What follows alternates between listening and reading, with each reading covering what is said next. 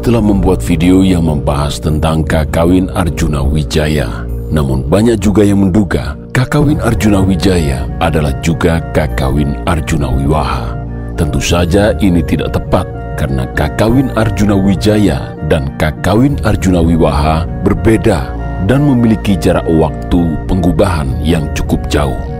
Kakawin Arjuna Wijaya ditulis pada masa Majapahit oleh Empu Tantular, sementara Kakawin Arjuna Wiwaha ditulis pada masa Prabu Airlangga oleh Empu Kanwa. Ada dugaan kakawin ini digubah seusai sejumlah peristiwa politik terjadi sehingga pernyataan kemenangan Airlangga melawan musuh-musuhnya ditunjukkan melalui kakawin Arjuna Wiwaha ini.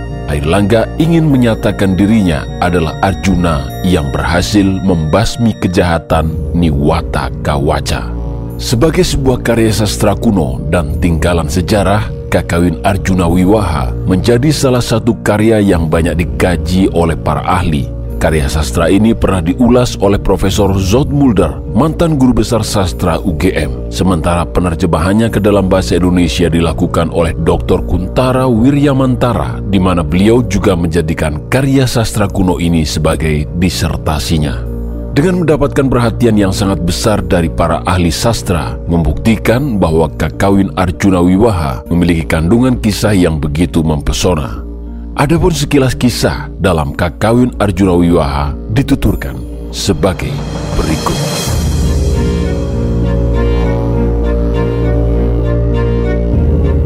Dikisahkan bahwa Raja Raksasa Niwata Kawaca dari Hima Himantaka berhasrat menyunting Batari Subraba. Karena Batara Indra menghalanginya, Niwata Kawaca hendak menghancurkan kayangan yang amat megah dan indah.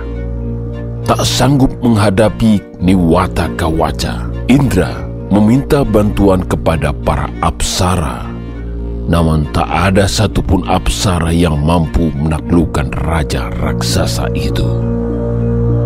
Seusai menemukan jalan keluar, Batara Indra meminta bantuan Arjuna yang tengah bertapa di dalam gua di kaki Gunung Indrakila untuk menaklukkan Niwata Kawaja.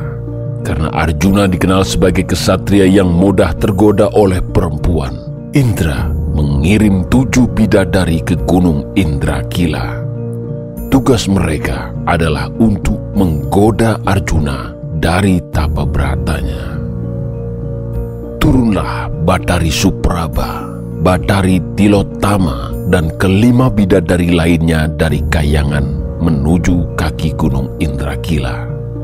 Sudah beribu jurus rayuan dikerahkan, namun para bidadari itu ternyata tak mampu mengusik Arjuna dari tapa beratanya. Dengan membawa rasa malu, mereka pulang ke kayangan menghadap Batara Indra. Lantaran tujuh bidadari pulang ke kayangan tanpa hasil, Batara Indra sendirilah yang berniat menggoda tapa berata Arjuna. Dengan menyamar sebagai resi tua, Indra datang ke kaki gunung Indrakila. Di hadapan Arjuna yang masih bersemedi, Indra mengungkapkan isi pemikirannya segala wujud termasuk kekuasaan dan kenikmatan dunia hanya merupakan kebahagiaan semu dan jauh dari yang mutlak. Untuk mencapai yang mutlak, manusia harus mampu mencapai kesempurnaan hidup melalui moksa. Kesempurnaan hidup bisa diraih bila manusia sanggup menerobos segala wujud yang hakikatnya ilusi, penyesat jalan menuju yang mutlak dalam hening, rasa, dan pikir. Arjuna yang masih mengatupkan sepasang matanya itu menjawab petuah Badara Indra bahwa tapa berata bukan untuk memenuhi kepentingan pribadi, melainkan membantu Pandawa untuk mencapai kejayaan Barata Yuda di Rimba Kurusetra. Hanya melalui kejayaan Pandawa, angkara murka di jagat dapat disirnakan. Kesejahteraan kaula dapat diwujudkan.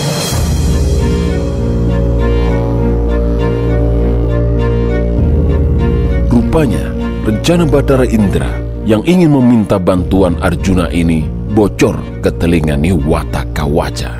Karenanya Raja Hima Himantaka tersebut memerintahkan kepada seekor babi hutan bawahannya yang bernama Muka untuk membunuh Arjuna yang sedang bertapa tersebut. Babi hutan bernama Muka itu membuat hiruk pikuk di luar tempatnya bertapa, sehingga Arjuna terpaksa keluar dari tempat semedinya ketika menyaksikan seekor babi hutan merusak keasrian pemandangan di kaki gunung Indrakila. Arjuna meletakkan sebatang warastra pada busurnya. Warastra yang melesat dari busur Arjuna itu pada akhirnya menancap tepat ke leher muka. Di waktu yang bersamaan, Batara Siwa ternyata juga menyamar sebagai seorang pemburu yang melepaskan sebatang panah ke arah leher muka. Mengetahui babi hutan itu tewas terkena senjatanya, sang pemburu mendekati korban. Ketika sampai di sisi muka, datanglah juga Arjuna. Keduanya kemudian timbul perselisihan. Perselisihan memuncak pada perkelahian.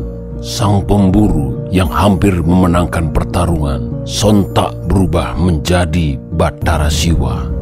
Arjuna tentu saja terkejut. Dia tak menyangka bahwa orang yang sedang dilawannya tak lain adalah Batara Siwa. Arjuna kemudian menyatakan bahwa pelepas panah pertama yang menancap di leher muka adalah milik Batara Siwa. Atas sikapnya yang demikian, Batara Siwa kemudian menghadiahkan panah Pasopati kepada Arjuna. Selanjutnya, Siwa pun lenyap. Selepas Batara Siwa pergi, Arjuna memutuskan untuk kembali berkumpul dengan Pandawa. Baru saja melanjutkan perjalanan, Arjuna ditemui oleh dua apsara.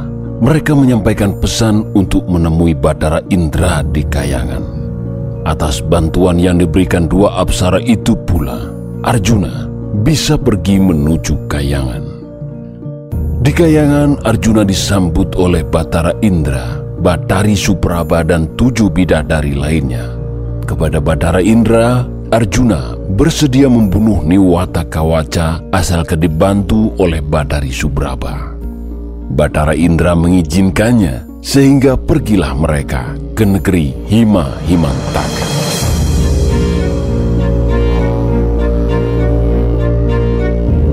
Sebelum sampai di Hima Himantaka, Arjuna terlebih dahulu meminta bantuan Batari Supraba untuk mengetahui titik lemah Niwata Kawaca. Supraba kemudian menemui Niwata Kawaca untuk pura-pura mau disuntingnya. Kehadiran Batari Supraba membuat Niwata Kawaca mengurungkan niat untuk menyerang Kayangan Semula, Niwata Kawaca sempat mempertanyakan maksud kedatangan Supraba, mengingat dahulu dia menolak, bahkan dibela habis-habisan oleh Batara Indra.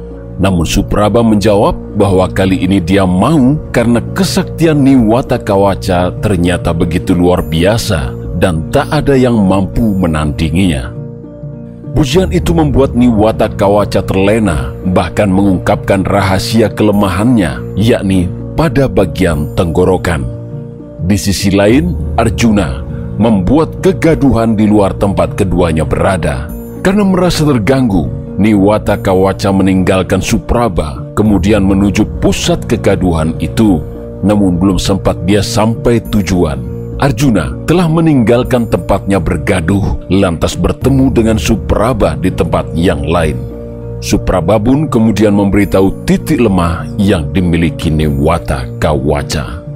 Menyadari telah tertipu oleh Batari Supraba dan Arjuna, Niwata Kawaca marah besar. Bersama pasukannya, Niwata Kawaca memburu dua penipu utusan Batara Indra itu hingga sampai sebelah selatan Gunung Himalaya. Di sana, pasukan Hima Himantaka bertempur melawan pasukan Apsara dari Kayangan oleh pasukan Apsara, pasukan Hima Himantaka dibuat kocar kacir. Melihat pasukannya kalah, Miwata Kawaca terjun langsung sebagai panglima perang. Arjuna kemudian menarik pasukannya mundur, lalu menggunakan kesempatan untuk membidikkan panah Pasopati ke arah tenggorokan Niwata Kawaca.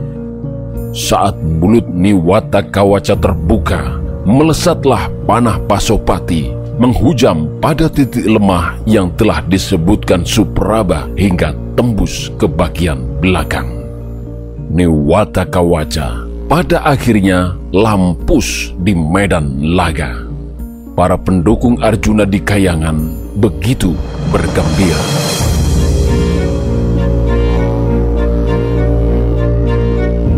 Selepas kekalahan Niwata Kawaca, Arjuna kemudian dinobatkan oleh Batara Indra sebagai raja di Kayangan.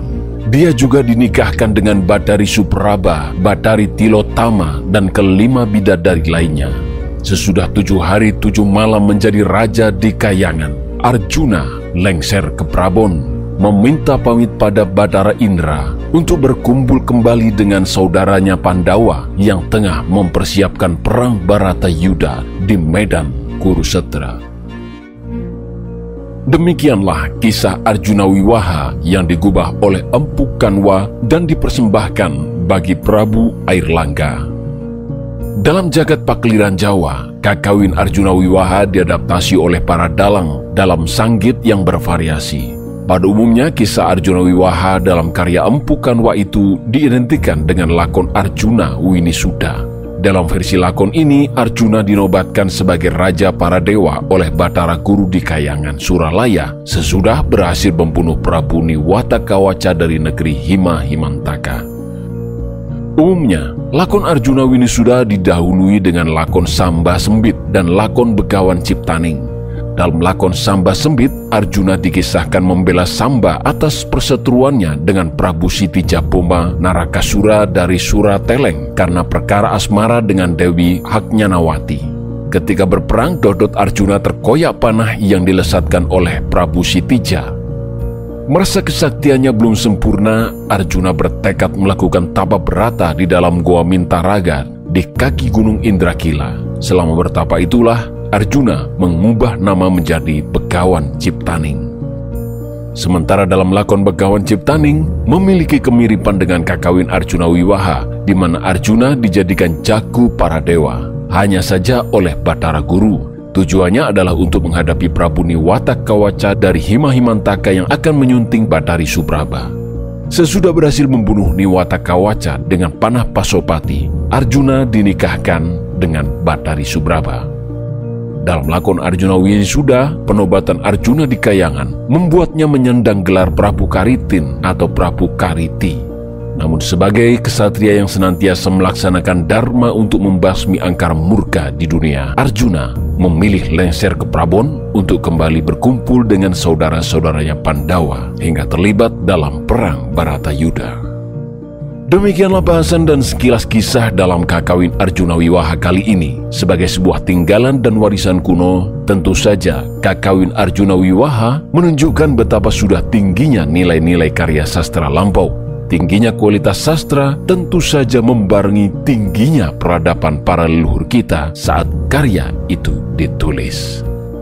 Sedikit intermezzo untuk para pendemen yang belum tahu bahwasanya selain channel Jagat Mandala ini yang memuat catatan-catatan dan wacana, kami juga memiliki channel lain yang khusus menceritakan lakon-lakon wayang dan juga channel Jagat Mandala Pictures yang khusus menampilkan kisah-kisah legenda atau mitos yang berkembang di masyarakat lampau dalam bentuk cerita pendek dan juga serial. Jadi jangan lupa juga untuk mensubscribe dan menyalakan lonceng notifikasi di channel-channel tersebut. Baiklah, sukses terus dalam cinta dan kehidupan anda sekalian.